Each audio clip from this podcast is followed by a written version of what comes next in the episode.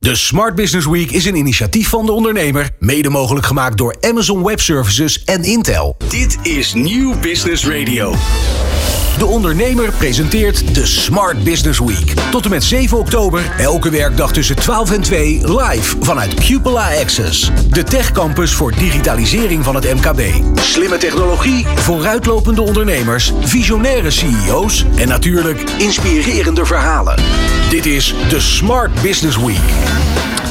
Is data daadwerkelijk het nieuwe goud? Hoe kom je aan de juiste data? En hoe zet je data vervolgens in om kosten te besparen, betere producten te ontwikkelen of om tot nieuwe inzichten te komen? Dat en meer hoor je de komende twee uur. Welkom bij de vierde dag van de Smart Business Week.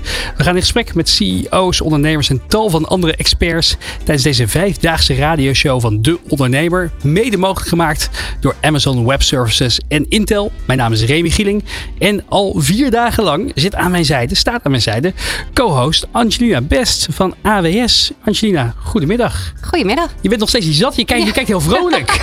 ja, ik vind het hartstikke leuk om hier te zijn nog steeds. Gelukkig. Maar gisteren hadden we het over AI en machine learning. We hadden onder meer eh, de oprichter van Quick, elektrische fietsen in de uitzending. Ja. Wat, wat is je bijgebleven? Ja, gaaf. Gewoon die ondernemerskracht en uh, al die mooie innovatie die we hier in Nederland hebben. Dus Quick was heel leuk. En we hadden nog meer Conversation 24. Voor, ja, ja over, ook een heel over producten verhaal. bestellen via WhatsApp. Ja, ik heb het nog niet gedaan, maar blijkbaar kan maar dat, dat gaan we doen. Dat gaan we doen. Ja, en hoe machine learning daarin een rol speelt. En uh, nou, dit waren natuurlijk hele mooie innovaties, maar ook hoe machine learning kan helpen bij het ontwikkelen van medicijnen. Uh, ja, hele leuke Zelfs bij de Formule 1. Ja, ja, zeker. Ongekend. En voor de mensen die jij nog niet kennen, die nog niet eerder hebben geluisterd, wat is jouw rol bij AWS? Ja, ik ben verantwoordelijk voor het commercial segment binnen, binnen AWS voor de Benelux, Nordics en Baltics. Elf landen.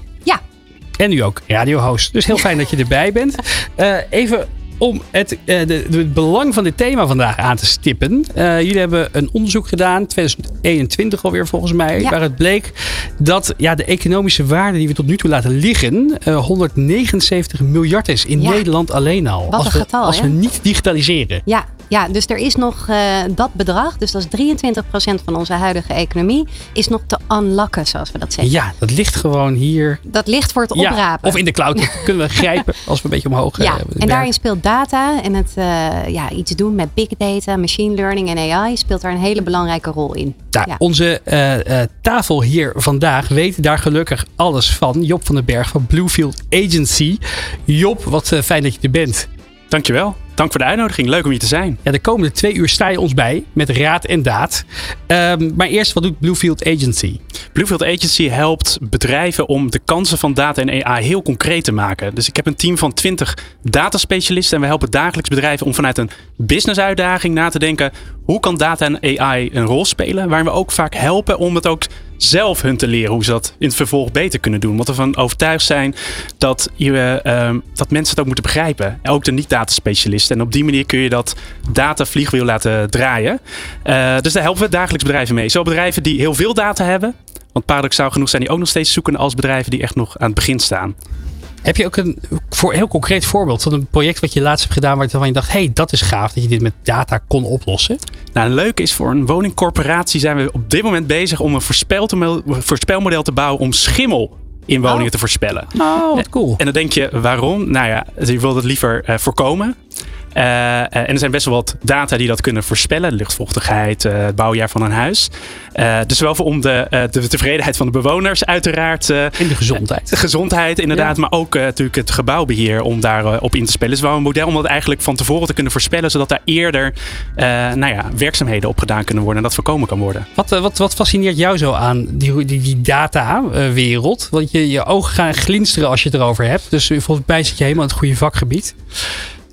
Nou, bijvoorbeeld met voorspelmodellen. Ik vind het fascinerend om te zien dat je zo'n model bouwt en uiteindelijk implementeert. We zijn ook best wel veel bezig om AI dan te implementeren in systemen. Ja, dat het en, niet alleen maar een soort proeftuintje blijft. Ja, en dat het uiteindelijk gaat werken en dat je ook daadwerkelijk ziet dat het impact maakt. Dus dat het eigenlijk bij spreken een robot wordt. Dus dat is natuurlijk ook de, de, de mooie van de evolutie van datamodellen, dat ze zelf meer zelf kunnen leren en denken. En als je dan ziet dat ook daadwerkelijk daardoor bepaalde doelstellingen beter behaald kunnen worden. Bijvoorbeeld dat schimmel uh, uh, minder, uh, minder aanwezig zijn, dan Ja, dat is wel, vind ik wel magic. Ja, ik las van de week ook in een rapport van de, van de Boston Consulting Group, meen ik, dat ik geloof maar 10% van de AI-projecten ook daadwerkelijk in productie wordt genomen. Dus er is nog een hele wereld te winnen. Nou, daar, eh, daar gaan we het verderop in de uitzending vast nog over hebben.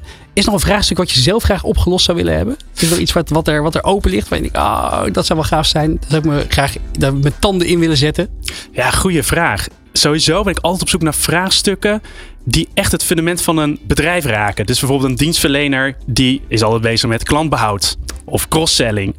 Uh, dat zijn natuurlijk allemaal modellen voor die, die daar best wel standaard zijn. Maar daar de business perspectief in begrijpen en dan uiteindelijk dat dan ook doen. En dat zo'n model echt bijdraagt aan de kernpropositie van zo'n bedrijf, klanten en dienstverlening. Dat, uh, daar, uh, daar word, ik altijd, word ik altijd blij van. Dus is meer de business impact waar ik altijd naar op zoek ben om dat nog meer te kunnen brengen.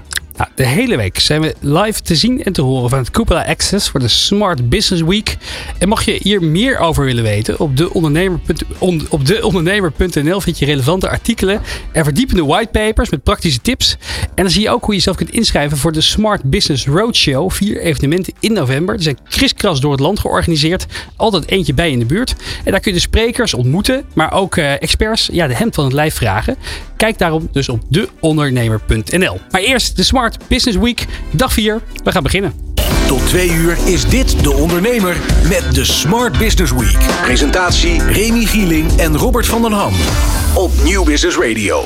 Aangeschoven aan de desk hier in Cupola Access in Haarlem is Carl Maas, country manager van Celonis Benelux. Goeiedag. Goedemiddag. Leuk dat je er bent. Dank voor de ehm, uitnodiging. Ja, Celonis is een speler in AI-driven process mining en process excellence software, las ik online. Dat is een hele mond vol. hele mond vol. Jij kan het vast meer beter, beter verwoorden voor uh, de, de minder ingelezen luisteraar en kijker. Ja, ik zeg wel eens uh, gekscherend, wij maken van gekookte spaghetti ongekookte spaghetti. Nou. Dus we gaan eigenlijk iets wat heel complex is, proberen te simplificeren. Heb je een voorbeeld? Ik heb voorbeelden. Als je eens nadenkt over een uh, proces voor inkoop. Je legt een order in, dan moet er een aantal stappen heen. Meestal zetten er zo'n 7, 8, denkt men. En als we gaan kijken naar het proces hoe het daadwerkelijk loopt, zien we vaak tienduizenden afwijkingen per bolletje wat je ziet in een proces. En uh, wat eigenlijk niemand meer ziet. Dus er zitten heel veel uh, olifantenpaadjes in processen, omdat ze allerlei systemen doorgaan. En die olifantenpaadjes, die kunnen zelfs de beste gidsen niet meer vinden.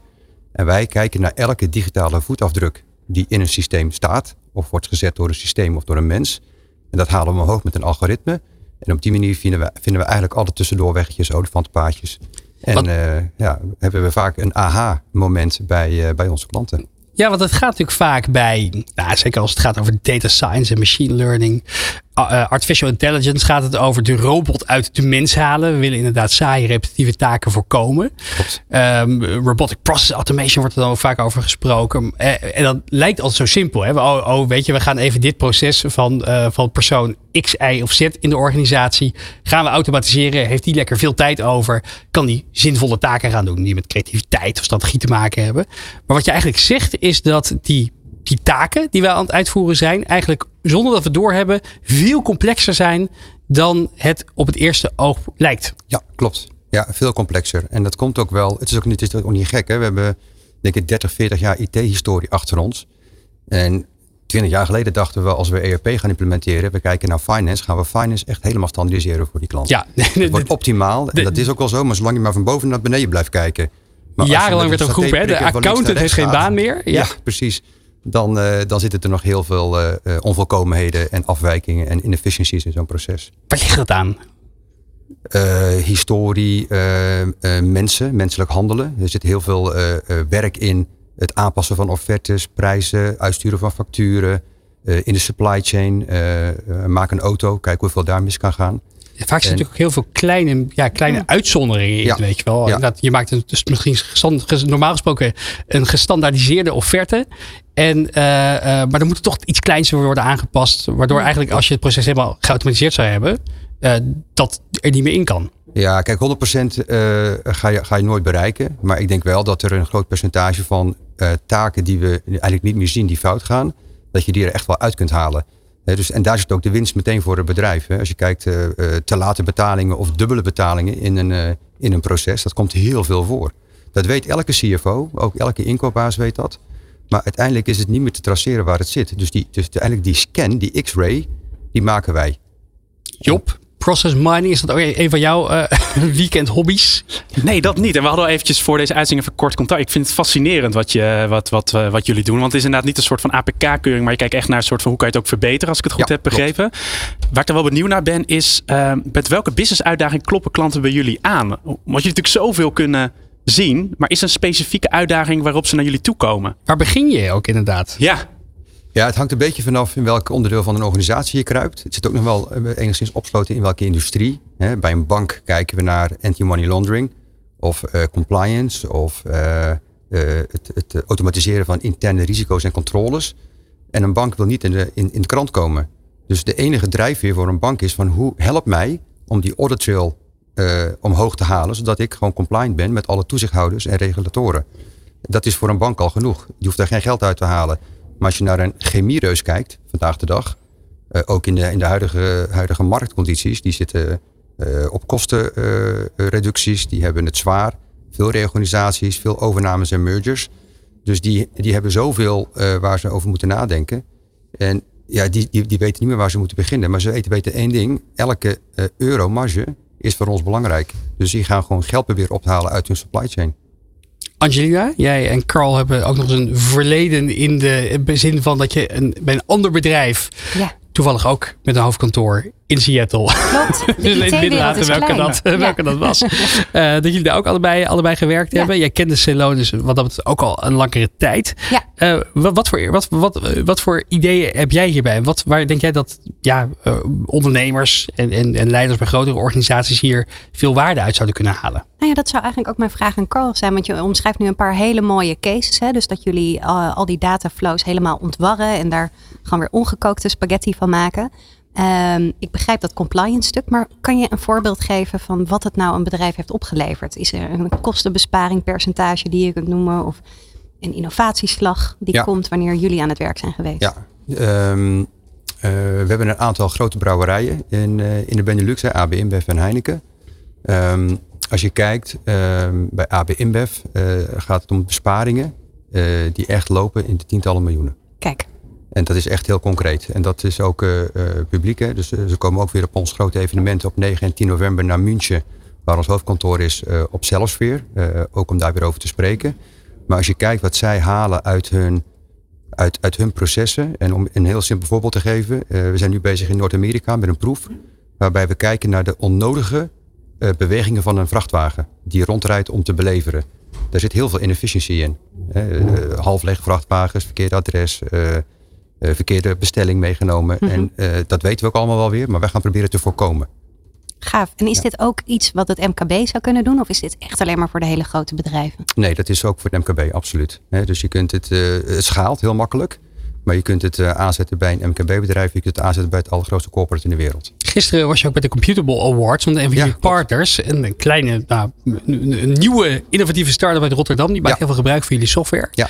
En die was genomineerd voor een prijs. Wat voor oplossing hadden zij ontwikkeld? Dat had iets met de maritieme industrie te maken. Ja, we kijken. eh, het is heel leuk. Het is een, Rotterdamse eh, partner van ons, eh, Apollix.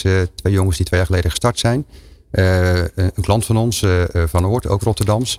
waar we kijken naar de bewegingen van schepen. En hoe optimaliseren we dat? Dus hoe zorgen we ervoor dat iemand op het juiste moment aan een kader vast ligt en niet verkeerd zit? Hoe zorgen we ervoor dat ze, dat ze qua tijd hebben, want dat kost heel veel geld. Eh, ook naar de juiste docks varen, eh, reparatie enzovoort. Dus we proberen die hele stroom proberen we eigenlijk zo optimaal mogelijk in te richten. En te voorkomen dat, ze, ja, dat er daar ook eh, eigenlijk een onvolkomenheid ontstaat. Het lijkt- klinkt heel dankbaar, want je, je kan heel veel kosten besparen. Dus het klinkt als jullie diensten inhuurt, dat je gelijk die kosten, die zijn jullie kwijt, gelijk terugverdienen. Want jullie komen bijvoorbeeld bij de kostenbesparing achter. Maar ik kan me ook voorstellen dat er misschien een soort van doos van Pandora wordt geopend.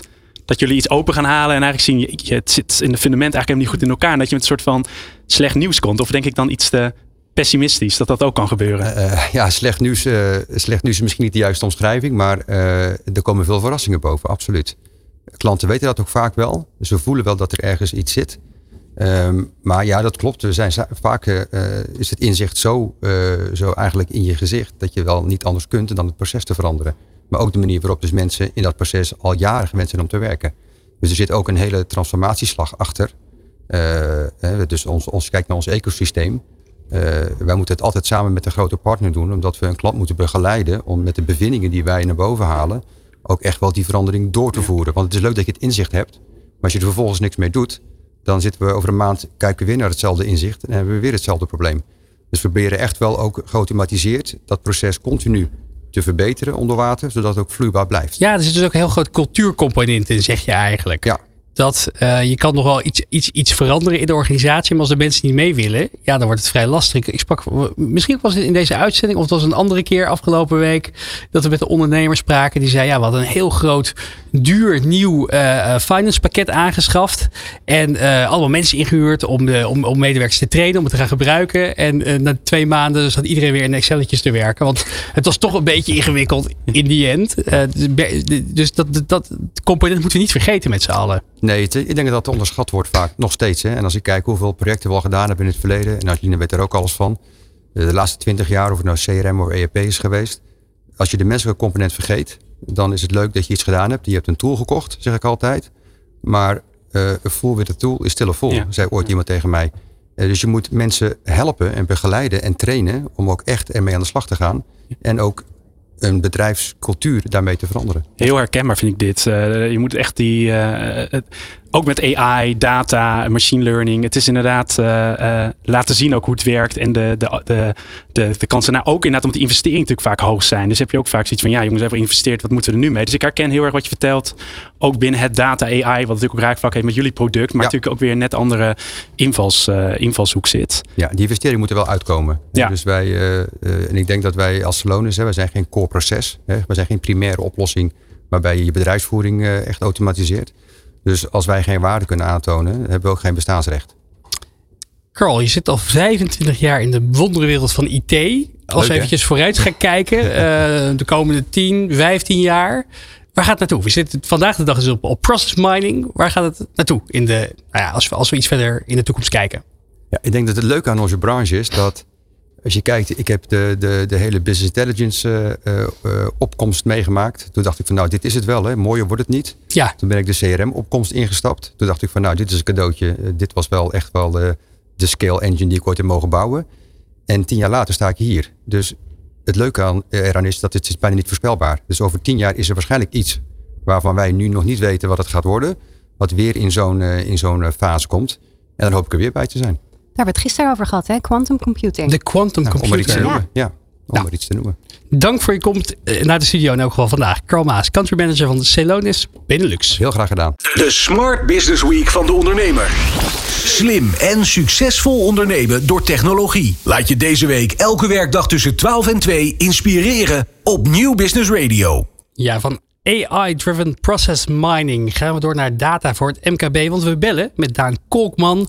Hij is initiatiefnemer van het MKB Data Lab en oprichter van de Big Data Company, maar ook senior researcher in decision making bij het Euronymous Academy of Data Science in het bos, het JATS.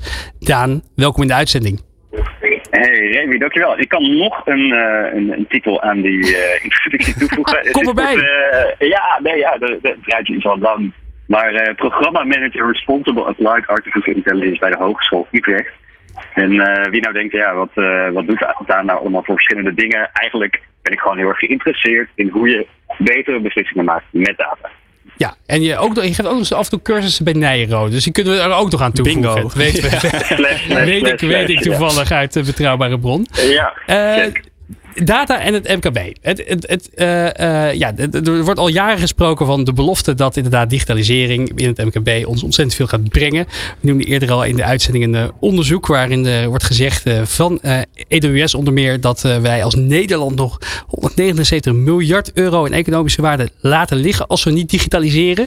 Maar in de praktijk is het voor veel ondernemers ook wel lastig. Ze zijn druk met allerlei andere zaken, waardoor dit ja, toch altijd een beetje, weet je wel, op, het wordt altijd een beetje vooruitgeschoven Jullie helpen zeker met MKB Data Lab met studenten van het JATS in, uh, in Den Bosch. Uh, om ja, ondernemers toch met data aan de slag te laten gaan. En je hebt altijd heel veel mooie voorbeelden bij de hand. Um, noem eens een voorbeeld. nee, ja, super. Nee, wat je noemt uh, herken ik natuurlijk heel erg. En wat we met het MKB Data Lab proberen is data science en iets toegankelijker te maken voor, voor het MKB. En zo'n drie jaar geleden samen met uh, Ruud Sneek dat begonnen. En uh, een van de eerste ondernemers die we spraken, uh, die um, was van een leasingbedrijf. En we zijn gewoon toen ondernemers gaan, praten om te kijken van ja, wat voor problemen op datagebied hebben ze dan. Nou, deze ondernemer, Rob Gielens van Riemersma Leasing is? Um, die, die vertelde ja, oké, okay, we verhuren auto's. Ja, eigenlijk weten we niet zo goed hoeveel marge per kenteken, per auto we nou eigenlijk uh, precies draaien. En uh, ik weet nog best wel goed, Ruud, die is wat bedrijfskundiger onderlegd dan ik, die zijn oren klapperden en zei, hoe kan je dat nou niet weten? Hey, dat is hartstikke belangrijke informatie. Ja, toen nuanceerde het op Gielings dat, dat een beetje. Hij zei, ja oké, ik, ik weet het wel, hè, van het afgelopen jaar lukt nog wel, maar we doen dit, dit bedrijf bestaat al meer dan 20 jaar. Zodra ik dat over een aantal jaren heen wil doen, dan klapt de berekening in Excel. En ehm, ja, dan, komen we er gewoon niet uit. Dus ja, wat we voor hun hebben gedaan, en uh, nu met data science, nu met business intelligence of gewoon puur een stukje digitalisering, is die berekening omgezet naar een Python script. En nu kunnen zij met een druk op de knop die mars kenteken berekenen. Ik denk, ik, ik haal het nog altijd aan als voorbeeld, omdat het echt laat zien van oké, dat stukje digitalisering, dat hoeft helemaal niet science of IT te zijn. Zelfs met ja, kleine, simpele oplossingen kan je echt wel impact bereiken. En uh, nou ja, dat is gewoon één voorbeeld van een ondernemer die we hebben geholpen. Maar uh, ja, zo hebben we er nog veel meer. Ja, want vaak denken ondernemers ook van hè, beginnen met data en, en machine learning dan daarna is heel kostbaar. Is dat ook zo? Nou, dat ligt er een beetje aan wat, je wilt doen. Hè. Wij zeggen sowieso, uh, begin altijd bij de basis. Hè. Uh, data-hygiëne kan je dat noemen. Maar uh, om echt iets te, gaan doen met data moet je er wel voor zorgen dat die data schoon is. Dus het makkelijkste voorbeeld daarvan eh, is eh, nou, de, de, naam van de plaats Sertogenbos.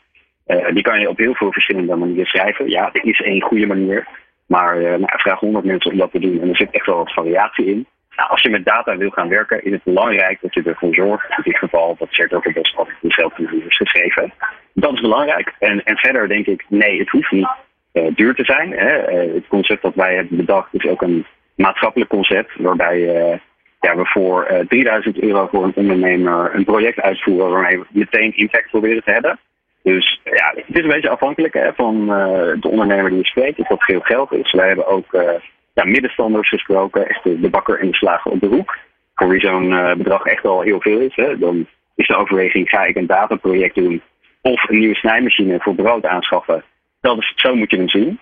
En wij proberen dan al, altijd meteen te komen tot een project dat die investering in zo'n dataproject nou, in ieder geval even aantrekkelijk is, maar hopelijk nog aantrekkelijker dan het aanschaffen van uh, nieuw materiaal. Job, uh, vanuit eh, Bluefield Agency klinkt dit herkenbaar? Herkenbaar, ja. En ik ben wel benieuwd even op jouw laatste punt die je net noemde, inderdaad, om te laten zien van wat voor waarde je uit kan halen. Hoe maak je dat duidelijk dan precies? Ga je dan een soort van uh, performance garantie geven? hoe kun je daar iets meer over toelichten? Ja, natuurlijk. in het begin uh, gingen we gewoon lekker een kop koffie drinken met wat ondernemers en probeerden we ze uit te leggen hè, wat de mogelijkheden zijn. Inmiddels hebben we een iets gestructureerder proces. Ja, ik zal het niet helemaal uh, doornemen, dat is een heel uh, college dat willen we denk ik ook niet. Maar wat we doen is, we doen een intake met een ondernemer. Dan praten we over wat speelt er binnen je bedrijf, waar loop je tegenaan. En dan gaan we kijken, op basis van dat gesprek, of wij denken dat we daar met data iets uh, aan kunnen toevoegen. En zo simpel is het eigenlijk. We kijken waar de, de pijn binnen de organisatie in zit. En proberen een project te verzinnen waarmee we impact kunnen hebben daarop. Een ander mooi voorbeeld vond ik dat je hebt gewerkt voor een bedrijf dat zich specialiseert in het waksen van mannen- en vrouwenlichamen. Welk, welk, met welk vraagstuk kwamen zij bij jullie? Ja, dat is inderdaad een van mijn, uh, van mijn lievelingsvoorbeelden. En ik, ik gebruik die echt heel vaak ook daarvoor. Uh, dat is een uh, eh, en wat wel leuk was daaraan is dat Aram die kwam bij ons binnen en zei: Ja, wij, wij hebben onze keten zo opgezet dat we veel data verzamelen over die behandelingen. namelijk aan het begin van een, ja, de meest verkochte behandeling, de Brazilian Wax. drukte ja, de, de Wax Angel, man-vrouw, die die behandeling start op een knop. En we weten wanneer de behandeling afgelopen is, uh, want we hebben een pinmoment. Dus hij zei, ja, ik heb een bak aan data en hij zou het heel fijn vinden als u op basis van die bak data dan ja, beter kon inschatten hoe, hoe lang die uh, moest reserveren voor een Brazilian wax. Dus als ik daar dan langs zou gaan, dat hij zou weten, oh, er komt Daan weer, nou, klem maar een uur in. Of hè, komt langs, nou, dat kunnen we in een half uurtje wel af. om die, die planning te optimaliseren. En wat ik zo leuk vond aan dit project, we zijn ermee aan de slag gegaan. En nou, het bleek, hè, we konden een bepaald percentage besparen hè, in, op die behandelingen qua inplannen. En nou, Aram was in zijn nopjes en wij natuurlijk ook. En ehm, hij ging dat nou met zijn directeur operations bespreken. een paar weken later hadden we weer een meeting met hem. Kwam hij terug en zei: Ja, we zijn nog steeds heel blij met wat jullie hebben gedaan. Alleen ehm, ja, één dingetje. Onze Wax Angels die wisten eigenlijk wel al dat als ze wijze van spreken Daan jij langskomt, dat ze wat extra moesten inplannen. En uh, als Rene kwam, dat ze wat meer tijd hadden. En dat vonden ze eigenlijk wel prettig. Want in de tijd die ze dan over hadden, ja, konden ze lekker een sigaretje roken of even pauze houden. Dus ja, we hebben het voorgesteld om dit te implementeren, maar we gaan het toch maar niet doen, omdat het op enorm veel weerstand stuit. En waarom vind ik het nou een leuk voorbeeld? Hè? Het is natuurlijk jammer dat, dat uiteindelijk hij zei van ja, we gaan het niet, niet gebruiken, maar het laat wel zien hoe belangrijk het ook is om na te denken over hoe je dan zo'n zo'n oplossing kan ja, integreren in je bestaande bedrijfsvoering. Ja, mooi. Die menselijke component blijft toch belangrijk. Dat hoorden we net ook al van Karl Maas. Uh, laatste voorbeeld wat ik nog even wilde aanhalen is dat uh, je nog zoveel kan willen doen met data, maar dat niet altijd lukt. Is dat jullie een project hebben geprobeerd te doen om uh, het onderhoud van gemalen te voorspellen, maar dat ging niet helemaal zoals verwacht. Nee, ja, en dit haakt ik wel leuk in onze eerdere vraag van oké, okay, ja, hè, hoe kan je dan beginnen? En um, Kijk, wat je soms ook merkt, ondernemers zijn enthousiast, positieve mensen. En dat is ook heel fijn en helemaal goed. Want waar waren we anders? Um, maar soms kunnen ze ook op datagebied daardoor niet helemaal overzien wat er nodig is. Uh, dat is eigenlijk uh, ook het verhaal uh, van Sander Verhagen van Kanter Rioleringstechniek en Onderhoud. Um, en um, ja, supermooi bedrijf. Zij, zij zorgen ervoor dat ja, woonwijken in Nederland gewoon lekker boven water blijven staan. En net zoals alle andere ondernemingen in de technische sector uh, hebben zij een probleem. Namelijk het, het, personeel wat die gemalen onderhoudt is gewoon heel moeilijk te vinden. En um, hij had een idee. Hij zei van nou kunnen we er dan niet voor zorgen uh, hè, dat we gaan voorspellen wanneer die gemalen risico hebben om uit te vallen. Want dan hè, kan ik beter inschatten waar ik um, wanneer een, een monteur naartoe moet sturen. Nou, um, superleuk project in de basis natuurlijk. En um, wij waren ook enthousiast. We dachten leuk, dat is predictive maintenance, helemaal hip en happening. En uh, Sander zag het ook helemaal zitten. En um, nou, toen vroegen we aan hem, goh ja, eh, wat voor gegevens heb je dan over die gemalen?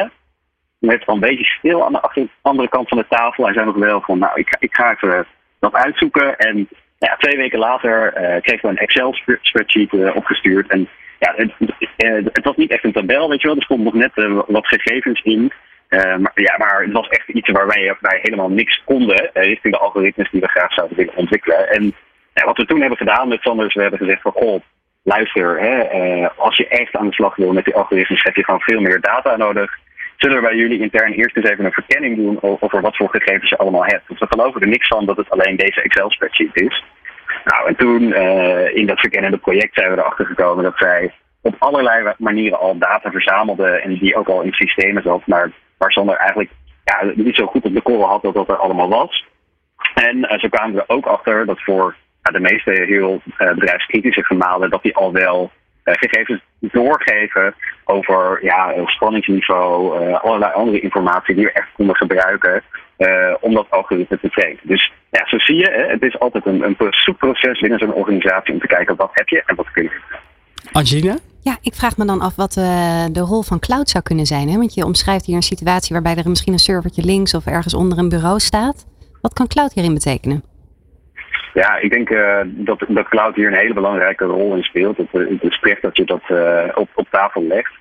Kijk, ehm, bijvoorbeeld voor die gemalen. Hè, je kan natuurlijk een, een, chip in die gemalen zelf hebben zitten en een, een SD-kaartje erin die wegschrijft. ja, allerlei gegevens over hoe dat gemaal presteert. Maar op het moment dat hij dat automatisch naar de cloud stuurt, wordt die gegevens natuurlijk veel makkelijker beschikbaar. Dus zeker, dat soort oplossingen, denk ik dat we dat steeds meer gaan zien. Super. Job?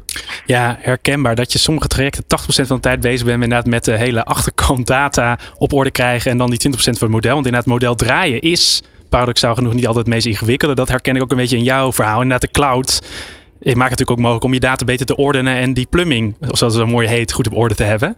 Dus ik vind dat heel herkenbaar. Wat ook soms een verwachtingsmanagement is bij dit soort trajecten. Ik weet niet of je dat herkent. Dat die klant dan denkt, ja goed, je gooit even die data bij elkaar, runt het model en we gaan aan de slag. Maar dat je dan toch blijft hangen in dat, in dat voorstadium. Hoe, hoe, heb je, herken je dat? Dat je dan soms je klant daar even goed op moet managen?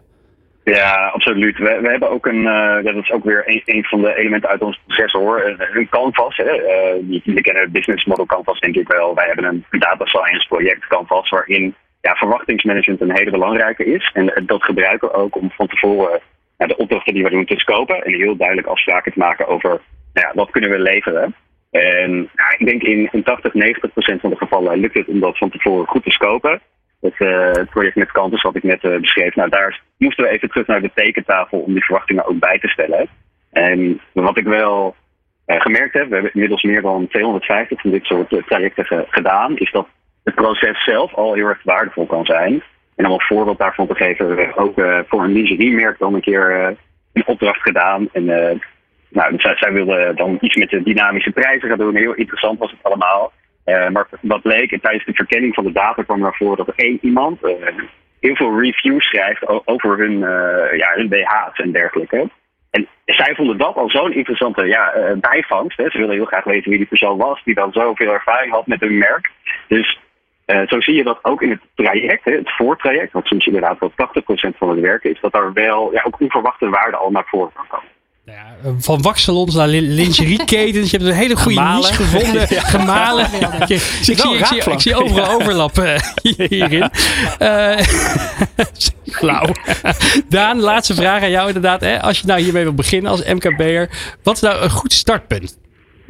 Ja, er zijn in Nederland verschillende initiatieven waar je echt goed kan praten. Ik denk, joh, ga eens gewoon een keer in gesprek bij, met iemand bij een digitale werkplaats, het, het MKB Datalab of een, een dataconsultancy om te kijken wat er mogelijk is. Kop koffie drinken en probeer gewoon daar open in te gaan. Ik denk, hè, het, het, is echt niet een gouden oplossing. Ik zeg altijd, als je als bakker al tien jaar op dezelfde manier brood bakt, helemaal prima. Ik, ik verwacht niet dat we daar met data iets aan gaan veranderen. Maar probeer je te oriënteren. Misschien zijn er bedrijfsprocessen of eh, hoofdpijndossiers uh, die we toch wat kunnen versimpelen door daar met data naar te kijken. Ja, gisteren hoorden we nog inderdaad van Conversation 24 dat bakker Bart tegenwoordig een systeem heeft waarmee je via WhatsApp je broodjes kan bestellen. Dus misschien dat het brede MKB ook dat kan gaan adopteren. Ontzettend bedankt in ieder geval voor jouw inzichten en mooie voorbeelden vandaag. Daan Kolkman, onder meer van de MKB Data Lab, Big de Big Data Company en vele anderen. Heel graag tot snel.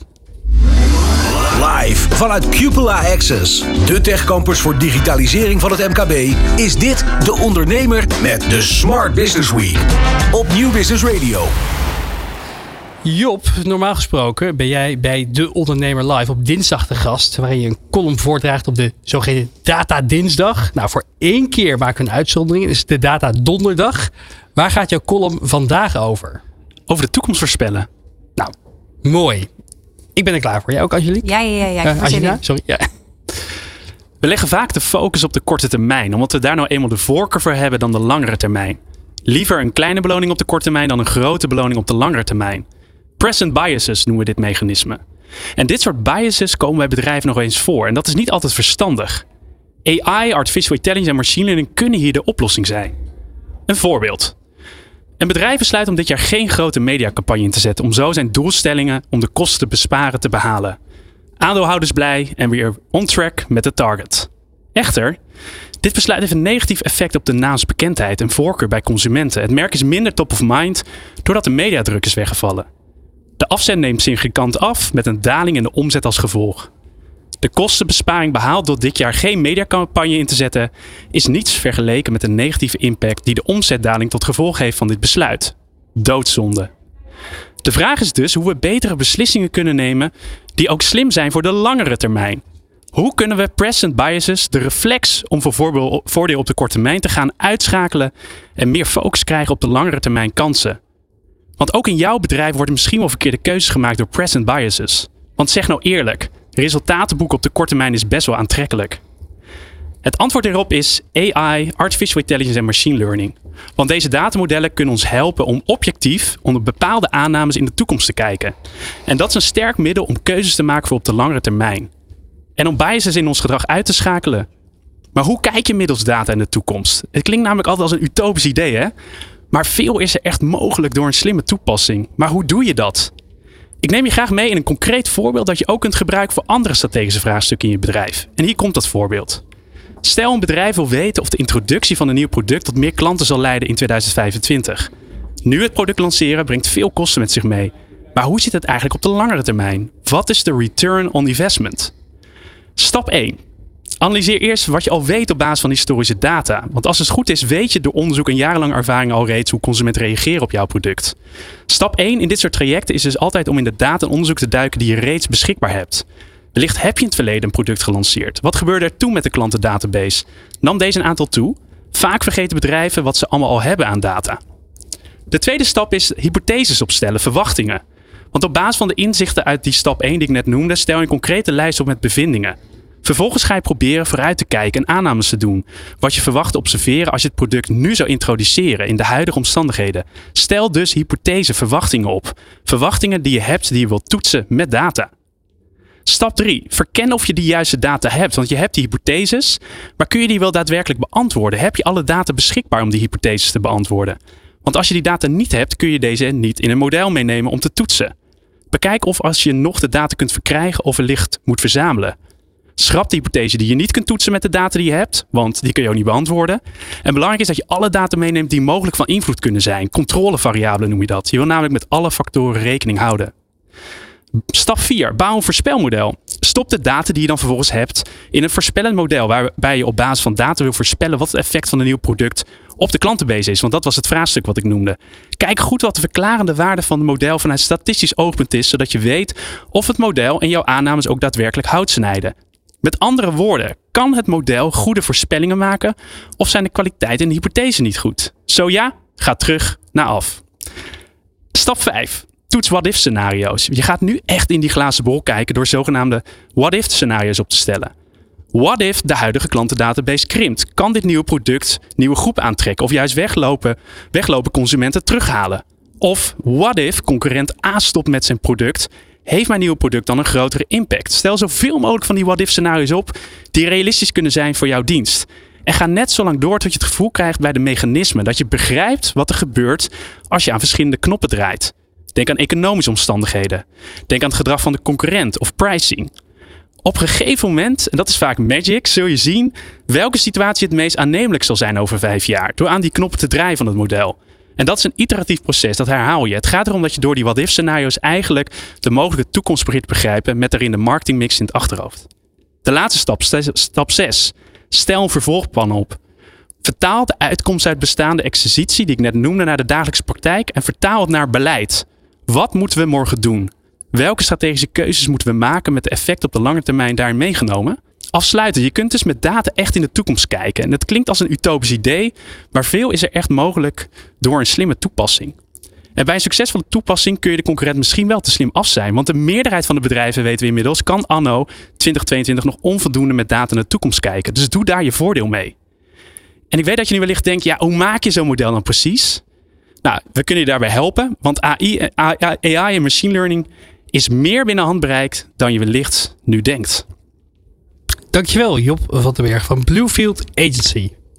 Tot twee uur is dit De Ondernemer met de Smart Business Week. Presentatie Remy Gieling en Robert van den Ham op Nieuw Business Radio. Ja, en uh, eigenlijk wachten we in de studio op onze volgende gast. Uh, die belt uh, telefonisch in. Ik krijg, hoor allemaal dingen achter de schermen gaande. Want we hebben een nieuwe ondernemende gast hier bij de Smart Business Week. Jeffrey Den Oudsen, CTO bij Consia.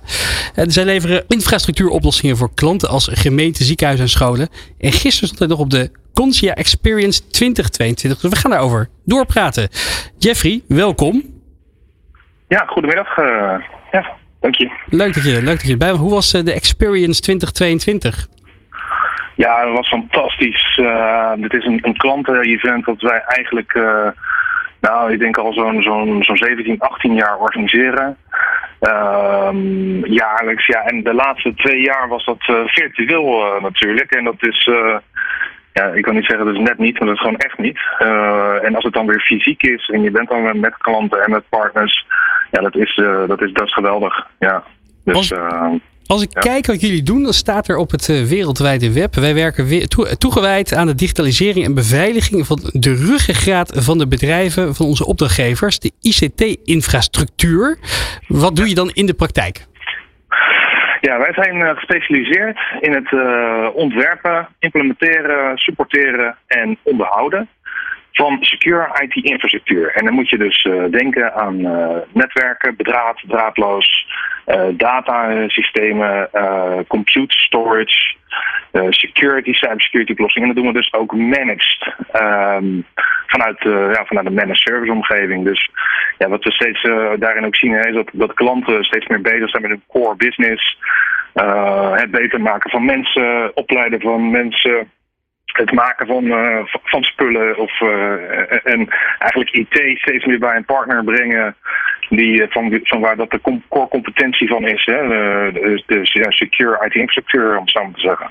Ja, je werkt voor mooie klanten, onder meer de gemeente Emmen, maar ook het UMC Utrecht, het Radboud UMC en vele andere. Eerder deze week hadden we ook eh, Dave Maasland in de uitzending. Hij is CEO van IZ Nederland. Het ging over het belang van cybersecurity. En hij zei, ja, weet je, het, op het moment dat er inderdaad een aanval gepleegd wordt op een uh, organisatie.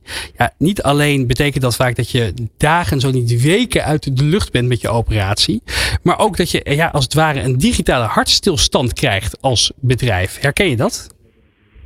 Ja, ja, en, en uh, wij, ja, wij mogen altijd, zeg ik, zo'n 75% van de Nederlandse ziekenhuizen bedienen. Ehm, en nou, dat is best een omvangrijk iets natuurlijk. En ook een, ja, een sector, zeg maar, waar um, dat ontzettend veel impact heeft, hè, mocht zoiets gebeuren. maar ook, ja, als we kijken in bijvoorbeeld in de luchtvaart of, of de maakindustrie of gemeentes, ja, noem maar op. Hè. Dus op het moment dat je uh, infrastructuur het niet meer doet. Ja, vroeger was dat misschien alleen maar voor IT. Tegenwoordig gaan er heel veel operationele technologie, hele productieprocessen, noem allemaal maar op.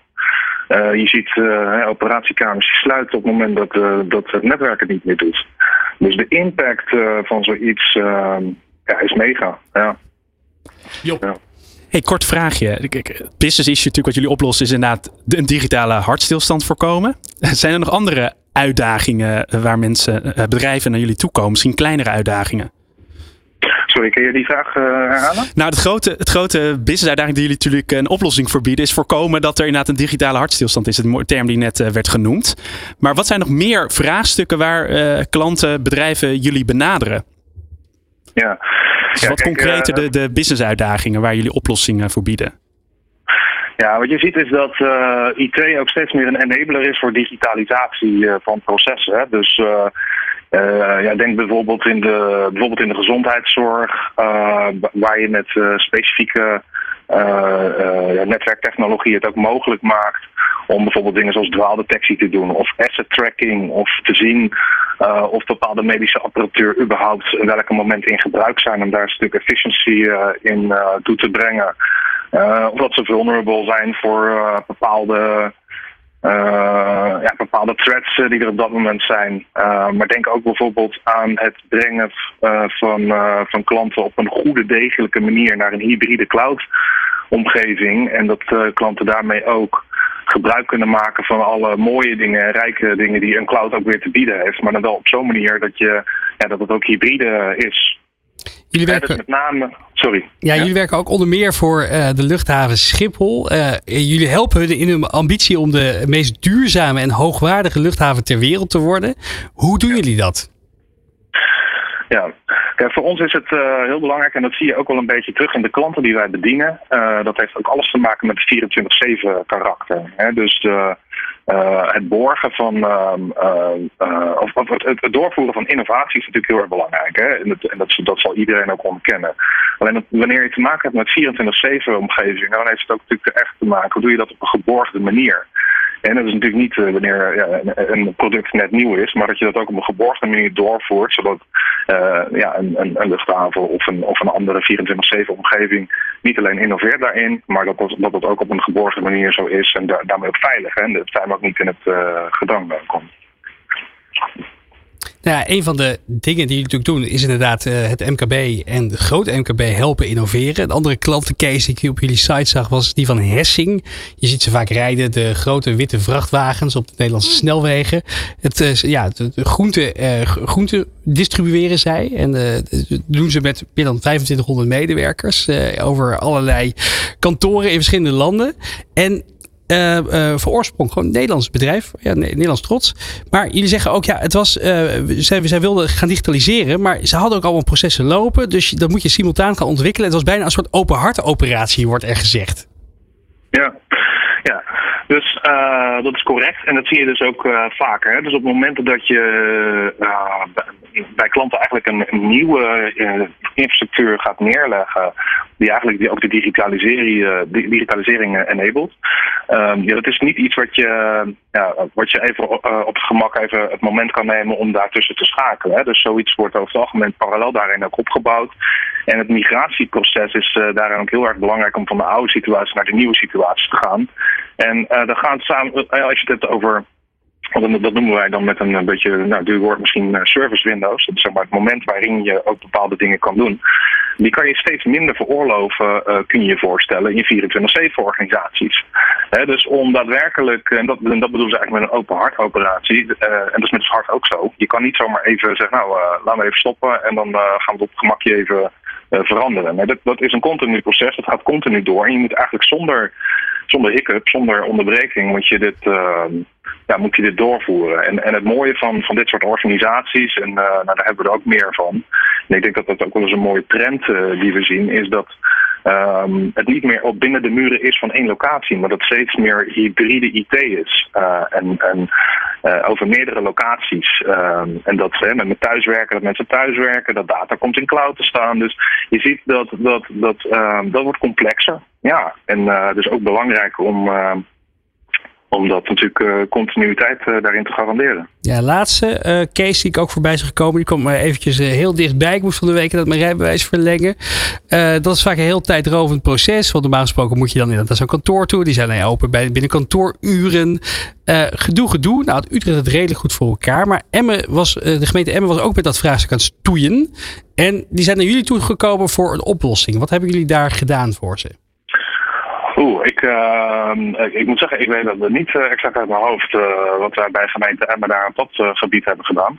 Maar ik weet wel dat wij bij gemeente Emmen ook een, een, een, een, migratie hebben gedaan daarin in een nieuwe omgeving, waarbij we ook nou, een platform vanuit een secure basis daarin aanbieden.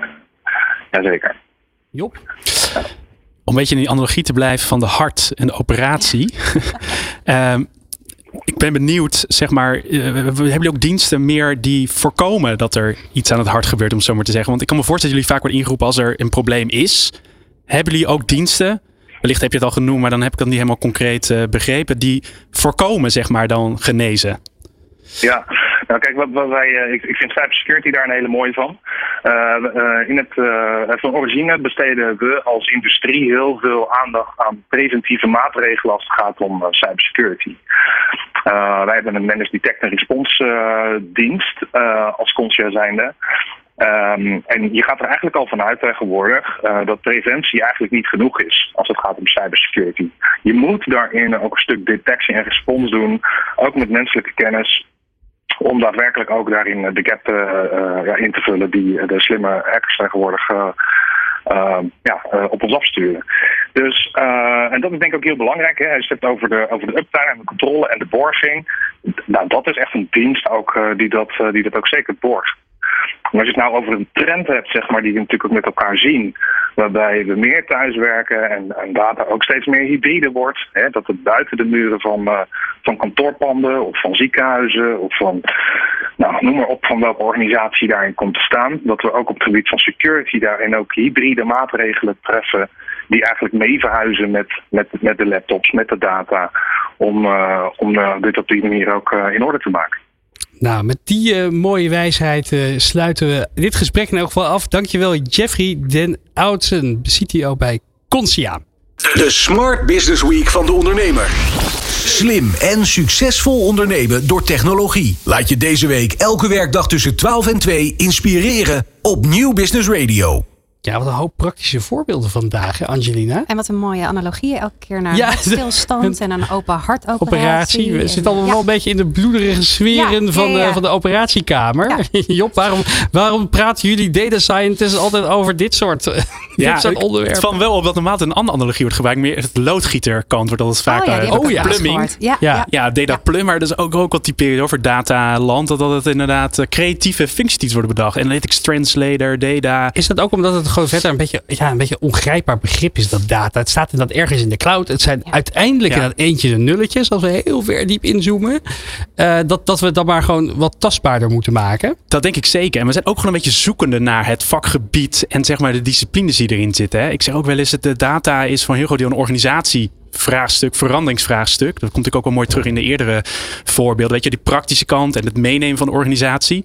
En er komt eigenlijk ook gewoon bij dat bijna HR-land er ook bij betrokken wordt. Van wat voor type mensen hebben we nodig. Uh, uh, dus dat wordt best vergeten van dat het veel meer is dan alleen maar dat datateam. Maar veel meer impact heeft in de organisatie. Sterker nog, als je dat doet en het realiseert, dan word je ook veel succesvoller. Want uiteindelijk moet je iedereen meekrijgen uh, om data als middel te gebruiken om dingen slimmer te doen. Maar loodgieter, plumbing, data plumbers, dat soort typologie, uh, die hoor je vaker. Dus niet uh, de hart en uh, de geneeskundige Ja, precies, kant. precies. De data plumbers en misschien wel de machine learning chirurgen zou je ja. dan kunnen zeggen. ik moet wel zeggen dat ik wel, ik probeer ook zo weinig mogelijk de buzzwoorden te gebruiken, maar toch is wel verleidelijk. Hè? Plumber klinkt zo lekker. Het klinkt, de, ja, de plumbing. Dat ik gelijk. Dat, David in het begin van de week, toen we het over security hadden, toen trok hij de parallel de hele tijd met brandoefeningen. Dat vond ik ook wel heel tastbaar en leuk. Ja, ja. hij zei inderdaad, hè, wat, wat vreemd dat we als we hier in zo'n pand staan als uh, Cupola Access in Haarlem, voormalige gevangenis, dat je ziet overal noodplannen hangen als er ja. brand uitbreekt. Dan weet je precies de vluchtroute, maar er staat nergens fysiek een vluchtplan als er een keer digitaal iets, een brand uitbreekt. En ben je ervoor verzekerd? Ja, precies. En bij wie ja. dan vervolgens ja, ook exact. nog eens. Nou ja, dus dat, uh, dat, uh, dat vond ik een hele mooie. En wat hij natuurlijk ook zei, is dat de kans dat die brand uitbreekt ongeveer 1 op 8000 is. Nou, ja. dat, dat vind ik wel prettig om te weten. De kans dat je digitaal en gehackt wordt, 1 op 8. Ja. Heftig hè? Ongelooflijk, ongelooflijk. Uh, uh, Angelina, Job had het eerder in zijn column over voorspellende modellen. De toekomst voorspellen. Denk je dat het makkelijker gaat worden in de toekomst? Ja, ik denk het wel. Ik denk dat, uh, nou ja, er is uh, ongelooflijk veel data en er komt alleen maar meer data bij. En we hebben het er ook al eerder over gehad dat, dat er ook steeds meer data te lezen is. Hè? Dus een, een, een foto, daar kunnen we al steeds meer metadata eigenlijk uithalen, waardoor je die analyses over een veel grotere groep kunt doen. Dus uh, hoe meer data je hebt, hoe beter je naar voren kunt voorspellen. Wat is, wat is nou data waar je altijd naar kijkt? Wat zijn, als je Job, als je dataprojecten start, je, je hebt natuurlijk heel veel om uit te kiezen. Je kan in dit geval, als we het over vandaag hebben, temperatuursensoren, lichtsensoren, uh, spraak, intonatie. Uh, je kan het zo gek niet bedenken. Het weer, weet ik het. Uh, wat, wat, wat zijn nou echt van die go-to dingen waar je altijd naar kijkt?